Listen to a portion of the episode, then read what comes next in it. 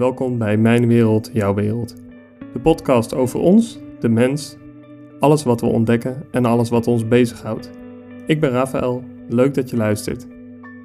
Vraag jij je ook wel eens af hoe wij ooit tot dit punt zijn gekomen als mens?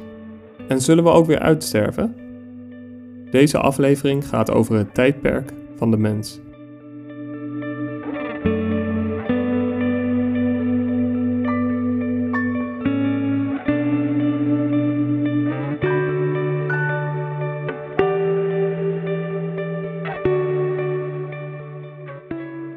In het begin was er helemaal niets. Maar niets werd iets. Er ontstond een zonnestelsel met daarin de aarde. De aarde was nog woest en doods. En het duurde nog ongeveer een miljard jaar voordat het eerste leven kwam. Piepklein, eencellig. Leven dat leefde zonder zuurstof, diep op de bodem van wat we nu kennen als de Atlantische Oceaan. Het leven ontwikkelde en er ontstond iets nieuws: fotosynthese. En zo ontstond de eerste verre voorouder van wat we nu nog steeds kennen als blauwalg. Door fotosynthese kon deze soort zichzelf in stand houden, energie produceren uit zonlicht, zoals planten dat nu doen. Fotosynthese gaf deze soort een gigantisch voordeel ten opzichte van andere soorten. De soort nam snel in aantal toe en omdat hij als restproduct van fotosynthese zuurstof uitstotte, kwam er ook steeds meer zuurstof in de lucht. De samenstelling van gassen in de lucht veranderde, sneller dan dat soorten er zich aan konden aanpassen. Heel veel soorten stierven hierdoor uit, omdat de zuurstof in essentie giftig was voor hen. Er kwam een massa-extinctie. Bijna al het leven op aarde stierf uit. Het eerste hoofdstuk van het leven op aarde werd afgesloten. Maar het einde van het eerste hoofdstuk opende de weg voor het tweede hoofdstuk. Want niet alle leven stierf uit. En de overgebleven soorten evolueerden zo dat ze de zuurstof in de lucht konden gebruiken. En dat was de boost die het leven nodig had om tot complexere levensvormen te ontwikkelen. Op het land groeiden planten en er liepen insecten rond. In zee waren er koraalriffen. Maar ongeveer 370 miljoen jaar geleden kwam een tweede massa-extinctie, veroorzaakt door klimaatverandering. Ongeveer 70% van alle soorten op aarde stierf uit. Ook het tweede hoofdstuk van het leven werd afgesloten. 30% van de soorten overleefde en het leven op aarde startte een nieuw hoofdstuk, een derde hoofdstuk. Maar de geschiedenis herhaalt zich en ongeveer 250 miljoen jaar geleden kwam de volgende massa-extinctie. Dit keer was de oorzaak waarschijnlijk een serie vulkaanuitbarstingen. En de ramp was zo groot, zo omvangrijk, dat het bekend staat als The Great Dying, het grote sterven. Ongeveer 95% van alle soorten op aarde stierf uit. Maar het leven ging door. Hoofdstuk 4, waarin de reptielen op aarde kwamen. Maar ook dit hoofdstuk werd op een vergelijkbare manier afgesloten. Toen kwam hoofdstuk 5, het grote tijdperk van de dinosaurussen. Maar grootheid is niet hetzelfde als onoverwinnelijkheid. Bij een kanteling in de evolutie kunnen verliezers opeens winnaars worden en winnaars verliezers. Ongeveer 66 miljoen jaar geleden sloeg een meteoriet van ruim 10 kilometer groot in zee bij de kust van Mexico. De inslagkrater is door wetenschappers teruggevonden evenals wereldwijde aanwijzingen voor aswolken die het gevolg waren van de inslag. Die aswolken verspreidden zich over de wereld, waardoor fotosynthese stopte. Planten stierven uit en het klimaat veranderde in één klap drastisch. Daardoor stierven de planteneters, die geen voedsel meer hadden, en ook de vleeseters. We kennen deze massa-extinctie door het uitsterven van de dinosaurussen, maar er verdween veel meer. Door de inslag werden alle landdieren groter dan een kat plotseling verliezers. Ongeveer 75% van alle soorten op aarde stierf uit.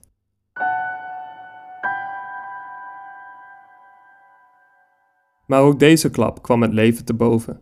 En zoals bij alles heeft elk nadeel zijn voordelen. Want ook hier gold: het uitsterven van de ene soort gaf ruimte aan andere soorten om op te bloeien. Hoofdstuk 6 van het leven op aarde. Hier komt het tijdperk van de zoogdieren en de vogels.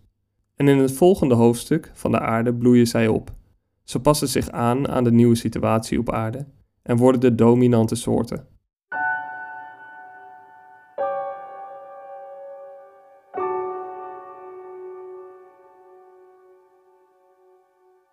Ongeveer 300.000 jaar geleden gebeurde er iets vreemds. Er ontstond een nieuwe soort.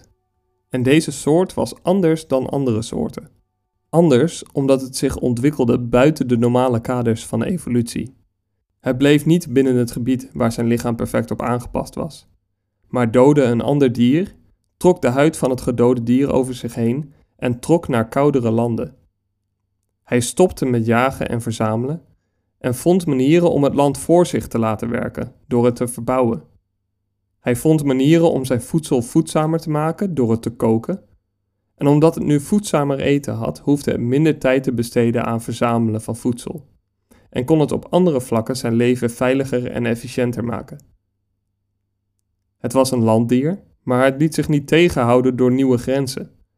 Het vond manieren om in en over water te verplaatsen en trok vervolgens de grote rivieren over.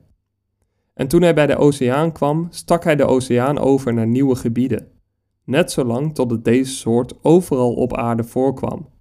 Daarna vond het manieren om onder water in leven te blijven, en uiteindelijk vond het manieren om te vliegen. Kort geleden vond het als eerste soort een manier om de aarde te verlaten. En op dit moment vindt het manieren om te reizen naar andere planeten, om ook die te gaan bevolken. En daarna, we weten nog niet wat er daarna gebeurt.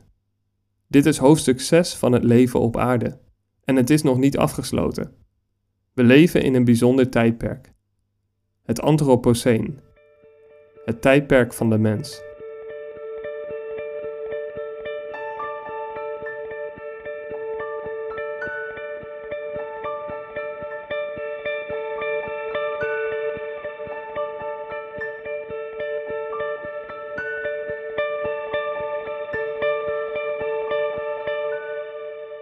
Ik speel gitaar en in mijn muzikantenkringetje is het een soort traditie om met z'n allen na een optreden midden in de nacht langs de McDonald's te rijden. De McDonald's is de plek waar ik heen ga als ik geen honger heb, waar ik betaal voor eten dat ik niet lekker vind, puur om de verveling te breken tijdens een lange autorit. Overleven is niet meer mijn eerste zorg. Als ik wil eten, dan eet ik, of ik nou honger heb of niet. Ik leef in een tijdperk waarin we, zoals het in South Park gezegd wordt, toegang hebben tot all the shit we want, whenever we want it.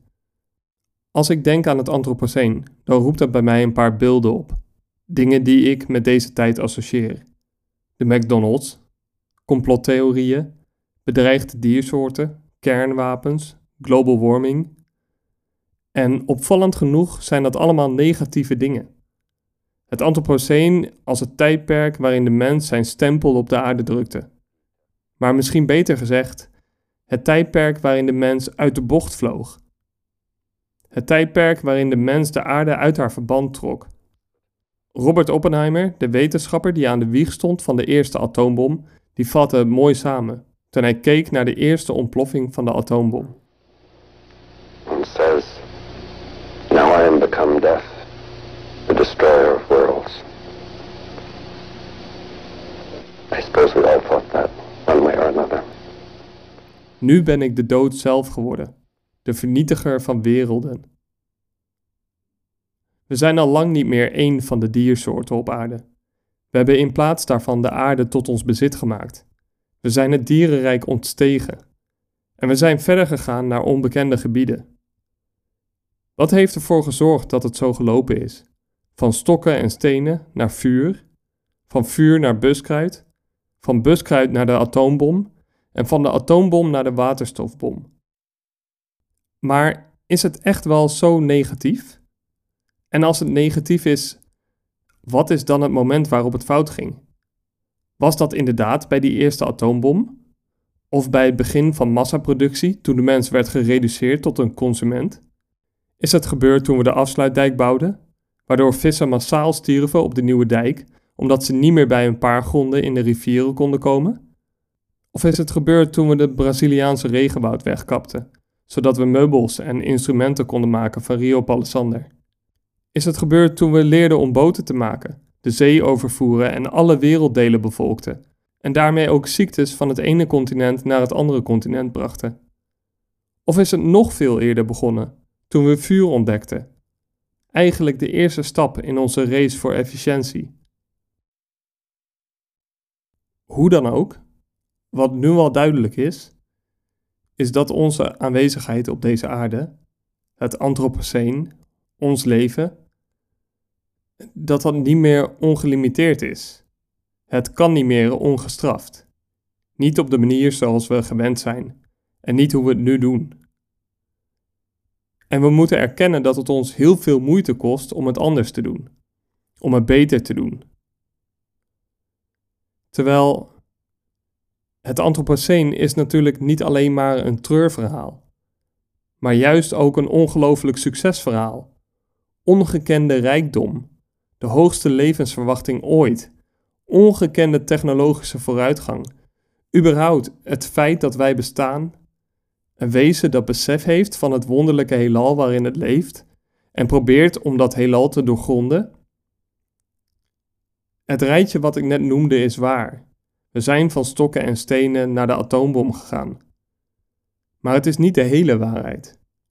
Je zou het rijtje ook anders kunnen beschrijven.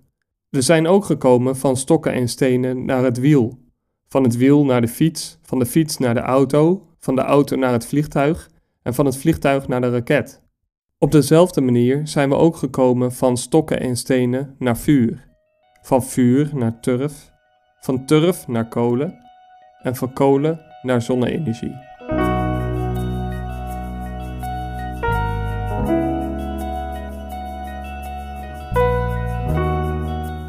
Kennis bouwt voort op eerdere kennis. Ik vind dat mooi. Soms kan je je niet voorstellen dat ideeën die wij heel normaal vinden ooit onbekend waren. Of dat mensen belachelijk vond, of zelfs duivels, toen ze voor het eerst opkwamen. Zo dacht men nog niet zo heel lang geleden dat alle soorten op aarde vaststonden. Dat er geen nieuwe diersoorten bijkwamen en dat er ook niks verdween. God had alles gemaakt zoals het is, zoals het bedoeld is. En zo zou het tot het einde der tijden blijven. En dit is niet eens zo heel lang geleden. Het ontdekken van het concept van evolutie door Charles Darwin is alom bekend. Maar ook het idee dat soorten kunnen uitsterven is een keer ontdekt, vrij kort geleden. Om precies te zijn is het concept van uitsterven ontdekt door een Fransman met de naam Cuvier, rond 1795. Er werden in de 18e eeuw steeds meer fossielen van onbekende soorten gevonden, waaronder een vreemd soort olifant uit Zuid-Afrika en een tweede uit Siberië. Men begreep niet wat ze vonden. Vermoedelijk waren het olifantenbotten die naar het noorden waren gedreven tijdens de zondvloed, zoals beschreven in het Bijbelboek Genesis. Dat was de gedachte. Misschien waren het botten van twee soorten door elkaar, van olifanten en nelpaarden.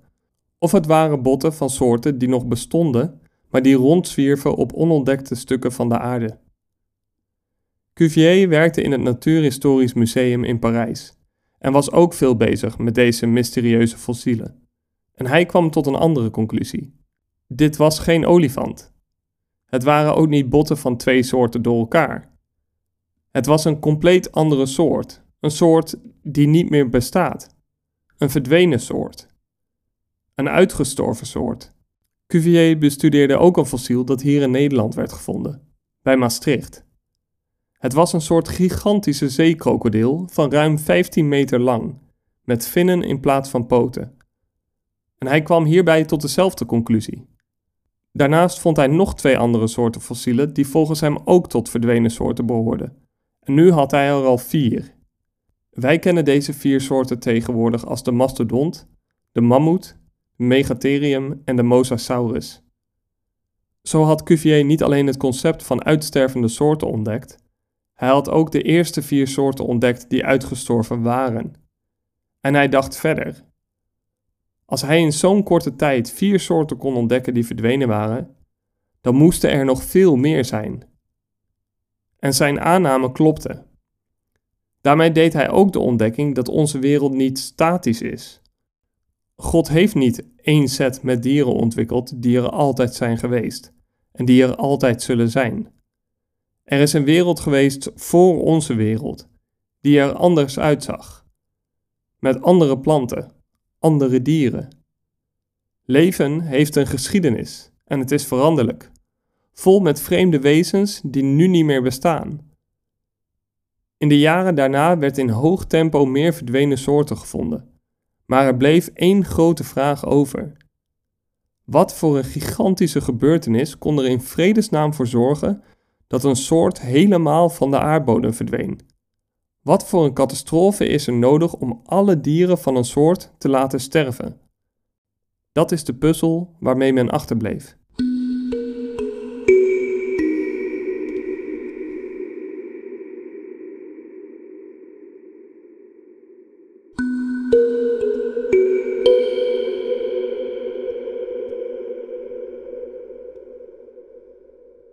De bruine nachtboomslang is een slangetje van 1 tot 2 meter die zich voedt met vogels, hagedissen en kleine knaagdieren. Rond 1940 werd de slang per ongeluk door mensen meegenomen naar het eiland Guam, ten oosten van de Filipijnen. Hierdoor kreeg het eiland in feite een nieuwe bewoner, een nieuwe soort. De natuur op het eiland was niet aangepast aan deze nieuwe bewoner en het had daar geen natuurlijke vijanden en ruim voldoende te eten. Het resultaat is dat nu, ruim 70 jaar later, twee van de drie soorten zoogdieren op het eiland zijn uitgestorven. Allemaal opgegeten door de bruine nachtboomslang. Ook de meeste vogelsoorten op het eiland zijn verdwenen. Twaalf vogelsoorten zijn uitgestorven. En omdat die op hun beurt weer een belangrijke rol spelen in de bestuiving van planten en bomen, heeft het slangetje ook op dat vlak zijn impact. Evolutie is een proces van duizenden op duizenden jaren van geleidelijke specialisatie en aanpassing tot in de perfectie op een specifieke plek met specifieke kenmerken, waardoor een evenwicht in de keten van het leven blijft. Zoals ik al zei, houden wij mensen ons niet echt aan dat principe. Wij reizen overal heen. Maar op onze reizen nemen we ook andere soorten mee. En introduceren we die andere soorten op nieuwe plekken, zoals de bruine nachtboomslang. Die soorten verstoren de natuurlijke balans, omdat wij ze meenemen. Maar het gaat in zo'n hoog tempo dat op sommige plekken op de aarde meer uitheemse soorten leven dan dat er inheemse soorten leven. Een studie heeft geschat dat er elke dag ongeveer 10.000 soorten verplaatst worden naar andere delen van de wereld. Niet in totaal, maar alleen in de ballasttanks van grote schepen. Eerdere massa-extincties hebben laten zien dat als het leven op grote schaal uit balans raakt, dat het miljoenen jaren kost om die balans te herstellen. Dat was zo bij die vijf massa-extincties. Het duurde miljoenen jaren om toe te groeien naar een nieuw normaal. De mens is gegroeid en gegroeid. In aantal, maar ook in verspreiding, macht, levensjaren, kennis, snelheid. We zijn een niet te stoppen grootheid op deze aarde. In 1972 kwam het rapport Grenzen aan de Groei uit, waarin eigenlijk voor het eerst werd uitgewerkt dat dit alles ook zo een einde heeft. Die ongekende macht die wij hebben, die is niet ongelimiteerd. Het is niet zonder grenzen en niet zonder consequenties.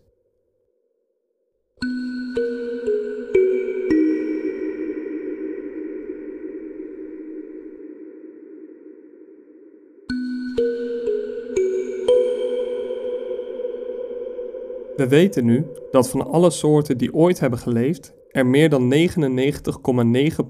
is uitgestorven. Kortom, uitsterven is niet uitzonderlijk. Eigenlijk is de aanwezigheid van elke soort op deze aarde per definitie tijdelijk. Iedere soort verdwijnt uiteindelijk ook weer. De tijd dat een soort, een dier of een plant bestaat, heet een temporaal bereik. De moderne mens heeft tot nu toe een temporaal bereik van ongeveer 250.000 jaar.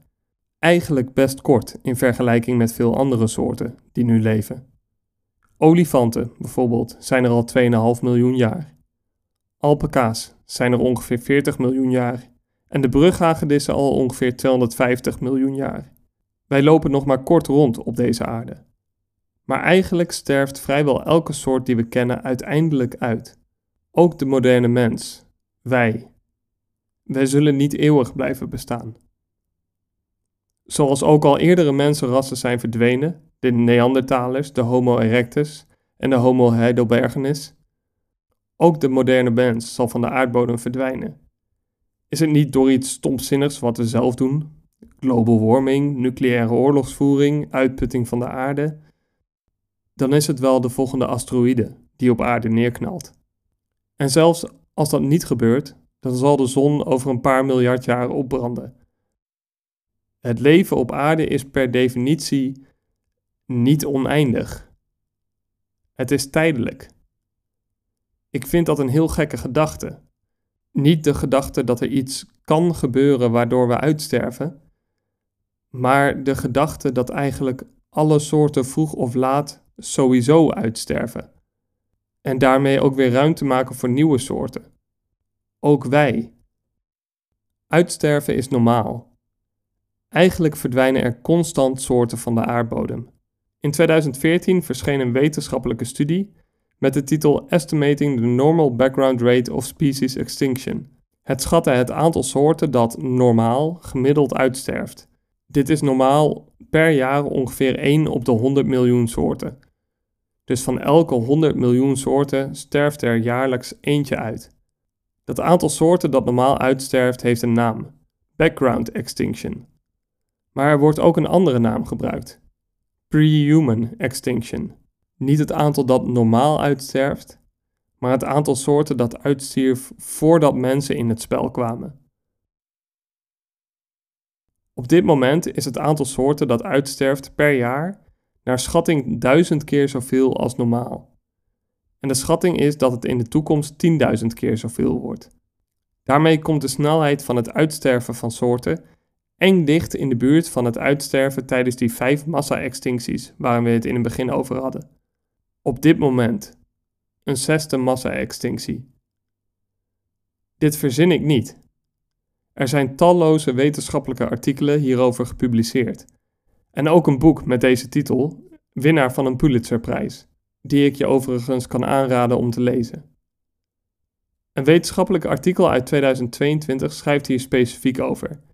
Het heeft de titel De zesde massa-extinctie: feit, fictie of speculatie. Ik citeer een stukje uit de tekst. Wij bevestigen opnieuw de boodschap dat de biodiversiteit die onze wereld zo fascinerend, zo mooi en zo functioneel maakt, onopgemerkt in een ongekend tempo aan het verdwijnen is. In het licht van een toenemende crisis moeten wetenschappers de praktijken van preventieve archeologie overnemen en zoveel mogelijk soorten verzamelen en documenteren voordat ze verdwijnen. Einde quote. Een zesde massa-extinctie, die dit keer niet veroorzaakt wordt door een asteroïde of een serie gigantische vulkaanuitbarstingen, maar door één soort, door ons, door mij, doordat het mij niet lukt om in harmonie met mijn omgeving te leven. Omdat waar wij komen al het andere moet wijken.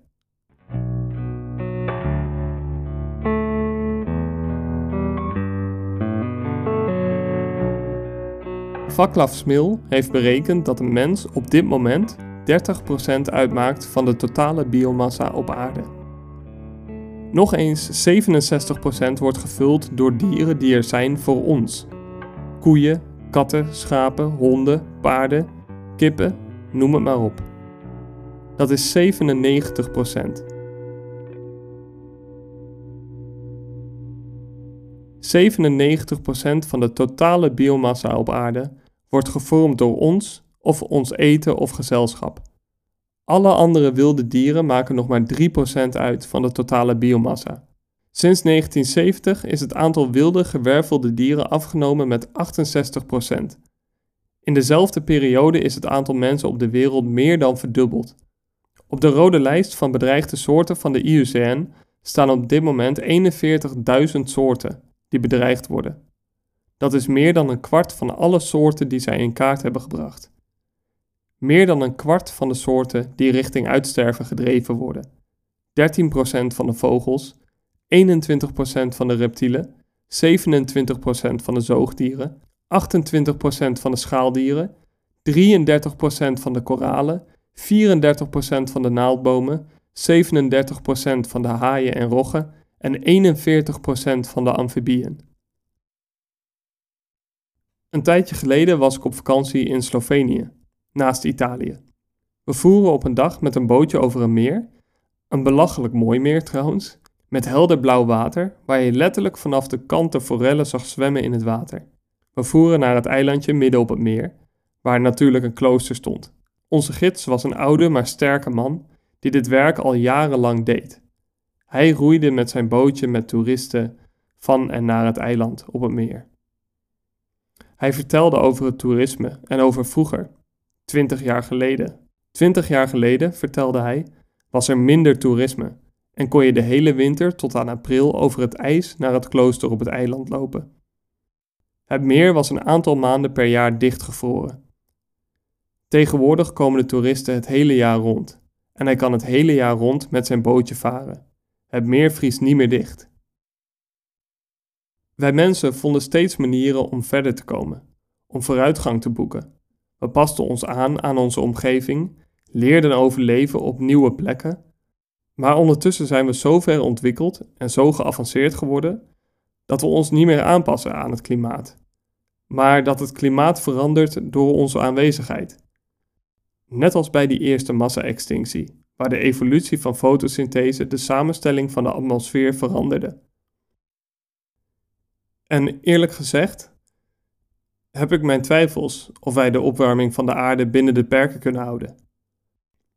Maar zelfs als dat ons wel lukt, dan is de verplaatsing van soorten en de problemen die daarmee ontstaan nog een totaal ander probleem. Het stoppen van de opwarming van de aarde is alleen de eerste hobbel in de berg die we te beklimmen hebben. Er zijn grenzen aan onze groei. Ik was laatst bij een concert van Stef Bos en die noemde het grenzen aan grootheid. En dat is precies wat het is. We zijn oneindig machtig geworden. Alle soorten moeten wijken voor ons bestaan. Maar ons bestaan is nog steeds afhankelijk van die andere soorten. Afhankelijk van iets van een natuurlijk evenwicht. Die bruine nachtboomslang, waar we het net over hadden, is ondertussen zo oververtegenwoordigd op het eiland Guam dat er niet voldoende voedsel meer is voor een beestje en dat de slangen soms elkaar opeten. Hoe succesvol je ook bent als soort, uiteindelijk ben je voor je voortbestaan afhankelijk van andere soorten op deze aarde.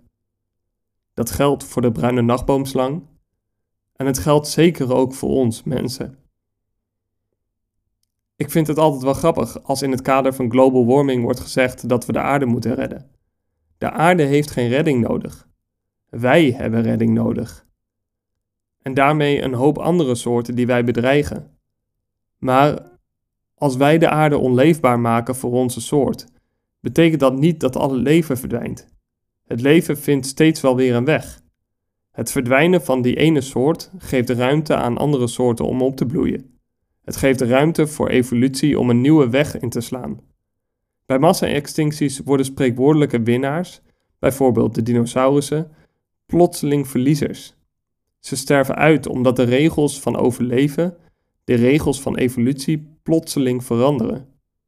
Je kan wel groot en sterk zijn, maar daar heb je weinig aan als er een asteroïde op aarde neerstort. Als wij uitsterven door ons eigen stomzinnige gedrag, dan kan de aarde prima zonder ons. En zoals het uitsterven van dinosaurussen ruimte gaf aan zoogdieren om op te bloeien, zo zal ons uitsterven ook voor nieuwe soorten ruimte geven om op te bloeien. Soorten die nu niet de ruimte hebben om tot ontwikkeling te komen. Soorten die wij ons misschien helemaal niet kunnen voorstellen. Zoals een dinosaurus niet had kunnen voorstellen dat jij hier nu een podcast zou luisteren. Ik ben niet bang om dood te gaan. Of tenminste, ik ben niet bang om dood te zijn. We gaan allemaal een keertje dood. En ik geloof niet dat de wereld nou per se staat te springen om mijn genialiteit. Al zou ik graag willen dat het wel zo was. Maar ik vind troost in het feit dat als ik doodga, dat er iets van mij doorleeft. De dingen waarmee ik invloed kon hebben op de wereld om me heen. Dingen die herinnerd kunnen worden. Misschien juist daarom vind ik gedachten dat een mens als soort kan uitsterven juist heel verdrietig. Uiteindelijk is alles tijdelijk en zal niks herinnerd worden. Ik kan niet zo goed omgaan met die gedachte.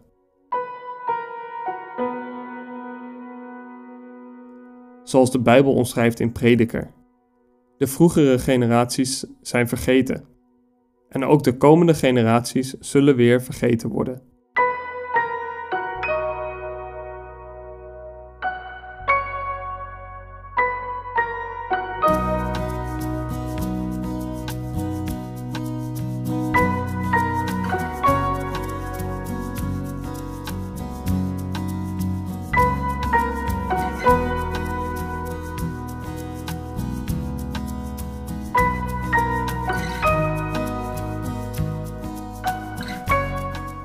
We weten nu dat de mastodonten ongeveer 13.000 jaar geleden verdwenen. En in toenemende mate leren we dat het verdwijnen van de mastodonten samenging met de opkomst van een andere soort die de mastodonten tot prooi maakte, totdat er niet één mastodont meer over was. Ook de primitieve mensachtigen, zoals de Neandertaler, hebben duizenden jaren succesvol als soort op deze aarde geleefd.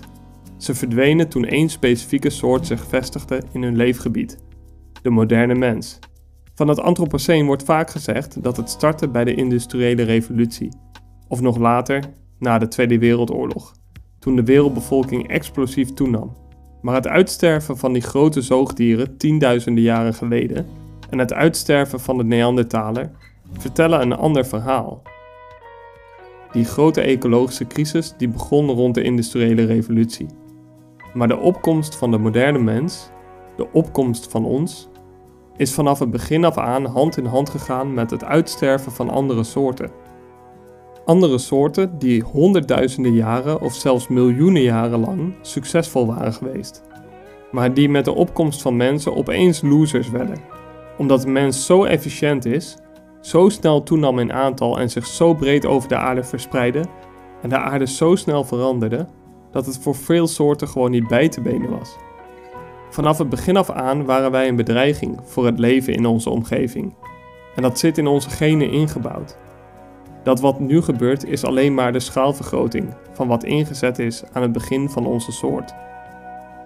Want de mens is, ik ben, per definitie, een soort die toe-eigent wat hem gegeven is.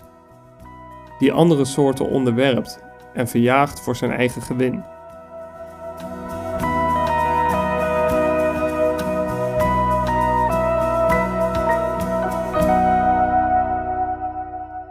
Cuvier ontdekte dat soorten uitstierven, maar begreep niet welke ramp zo groot kon zijn dat dat gebeurde. Nu weten we dat er verschillende oorzaken waren voor de grote massa-extincties in het verleden. Maar op dit moment, op dit moment zijn wij zelf die ramp. De catastrofe die zo groot is dat het ervoor zorgde dat talloze soorten volledig van de aardbodem verdwenen, dat zijn wij.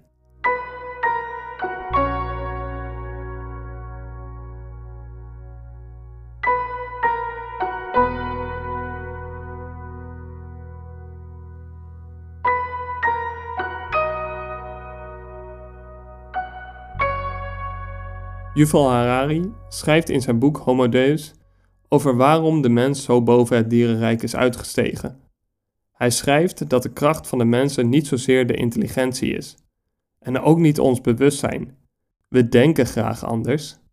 We doen graag alsof we gigantisch verschillen van andere soorten, maar apen hebben een behoorlijk bewustzijn, dolfijnen herkennen zichzelf in een spiegel, orka's hebben per groep een eigen taal Olifanten rouwen om hun doden, kraaien kunnen puzzelen, octopussen spelen spelletjes en meerdere dieren maken en gebruiken gereedschap.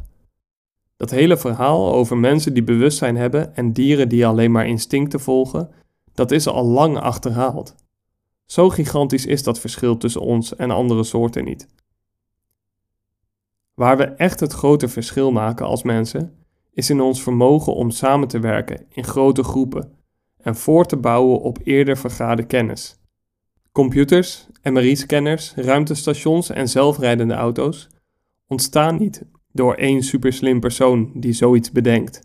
Het ontstaat door talloze mensen die hun kennis met elkaar verbinden en die daarbij voorbouwen op kennis die in honderden jaren tijd door de mensheid is opgebouwd. En daarin maken we het verschil ten opzichte van andere soorten. Het vermogen om te zorgen dat het geheel meer wordt dan de som der delen. En dat idee van Yuval Harari is niet nieuw. De filosoof Rousseau schreef in 1762 al dat de weg naar zelfbehoud voor de mens ligt in het bundelen van onze krachten. Als je bij dat vermogen om onze krachten te bundelen nog toevoegt dat we belachelijk koppige wezens zijn, met een haast niet te stoppen ontdekkingsdrang, dan verklaart dat ongeveer de rest. Mensen hebben zich nooit laten tegenhouden door natuurlijke of intellectuele barrières. Neandertalers stopten bij grote rivieren, evenals de meeste andere dieren. Wij vonden een manier om over te steken en trokken verder.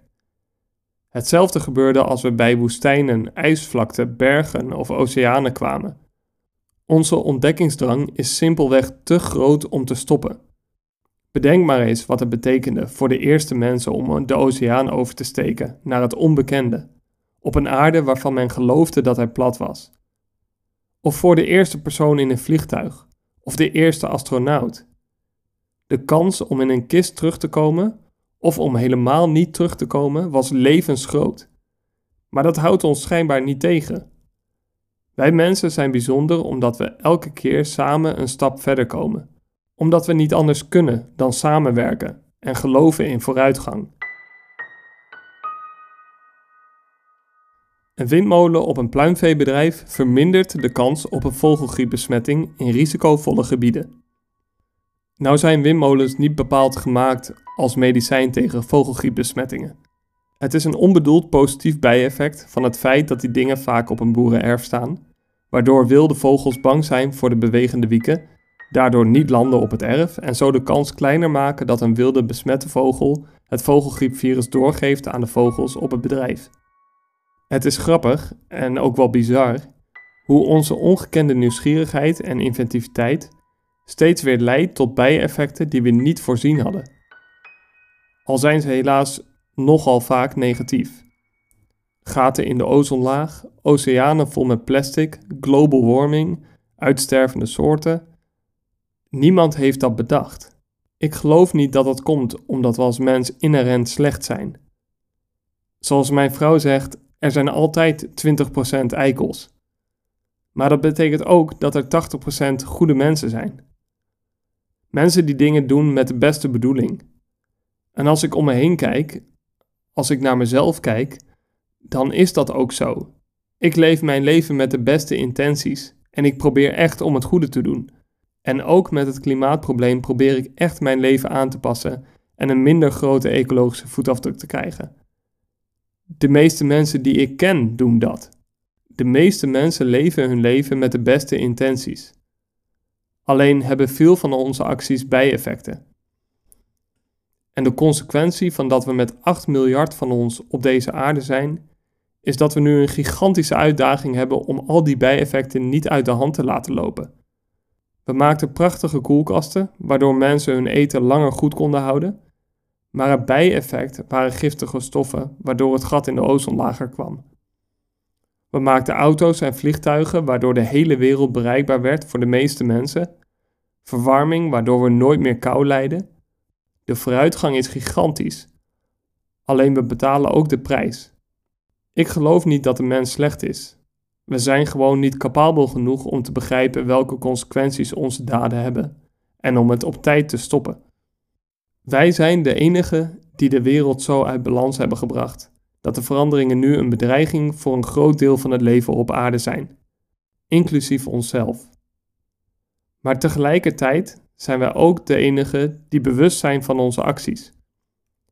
We zijn ook de enigen die inventiviteit hebben om de situatie om te draaien En we zijn de enige die duurzame energiebronnen hebben uitgevonden. De enige die door de markenwadden nieuwe natuur hebben gemaakt om zo te herstellen wat eerder kapot is gemaakt. We zijn de enige die nationaal en internationaal afspraken en wetgeving maken om te zorgen dat we onze impact op de natuur verminderen. En we zijn de enige waar massa's individuen hun gedrag op dit moment aanpassen. Minder of geen vlees eten, minder vliegen, met het openbaar vervoer naar werk gaan, duurzame producten kopen. En ja, we staan voor een gigantische uitdaging. Maar we zijn ook de enige soort die deze uitdaging in potentie aan kan. Hoe zullen we over 300 jaar terugkijken op deze tijd? Als alles waar nu voor gewaarschuwd wordt al gebeurd is. Er even vanuit gaan dat we er dan nog zijn. Hoe zal de wereld er dan uitzien? Zijn we een stap verder gekomen? Verkennen we nieuwe werelden? Wonen we misschien op Mars? Wonen we op meerdere planeten tegelijk? Of hebben we onszelf terug naar het stenen tijdperk gebombardeerd? Ik heb hoop dat mijn achterkleinkinderen over een paar honderd jaar op school leren over de 21ste eeuw. En dat ze zullen leren dat dit het tijdperk was waarin de mens een ongekende inspanning leverde om het tijd te keren. Ik heb hoop dat over 300 jaar deze eeuw wordt herdacht als de eeuw waarin de mens volwassen werd en verantwoordelijkheid nam voor de gevolgen die voortkwamen uit zijn daden. Ik heb hoop dat ze terugkijken op mensen die niet wachten totdat anderen eerst in actie kwamen, maar die zeiden: Ik ga nu in mijn leven doen wat ik kan doen. Ik heb hoop omdat ik van nature een positief ingesteld mens ben. Maar eerlijk gezegd ook omdat hoop op dit moment de enige optie is om het schip te keren en om de mensheid in de goede richting te krijgen. Omdat ik geloof dat hoop, het idee dat er licht is aan het eind van de tunnel en dat we opties hebben, dat dat is wat ons als mensheid aanzet om ons van onze meest innovatieve kant te laten zien, om nog meer samen te werken, om het onmogelijke gedaan te krijgen.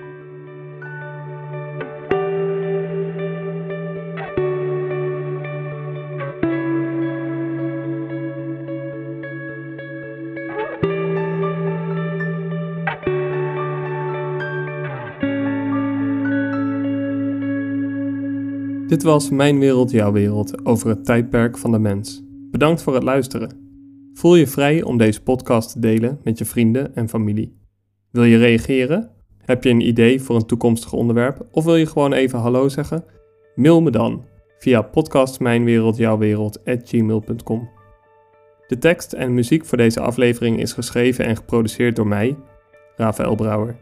Het artwork voor social media is gemaakt door Somer Boekhoven. Leuk dat je luisterde. Hopelijk tot ziens bij de volgende aflevering.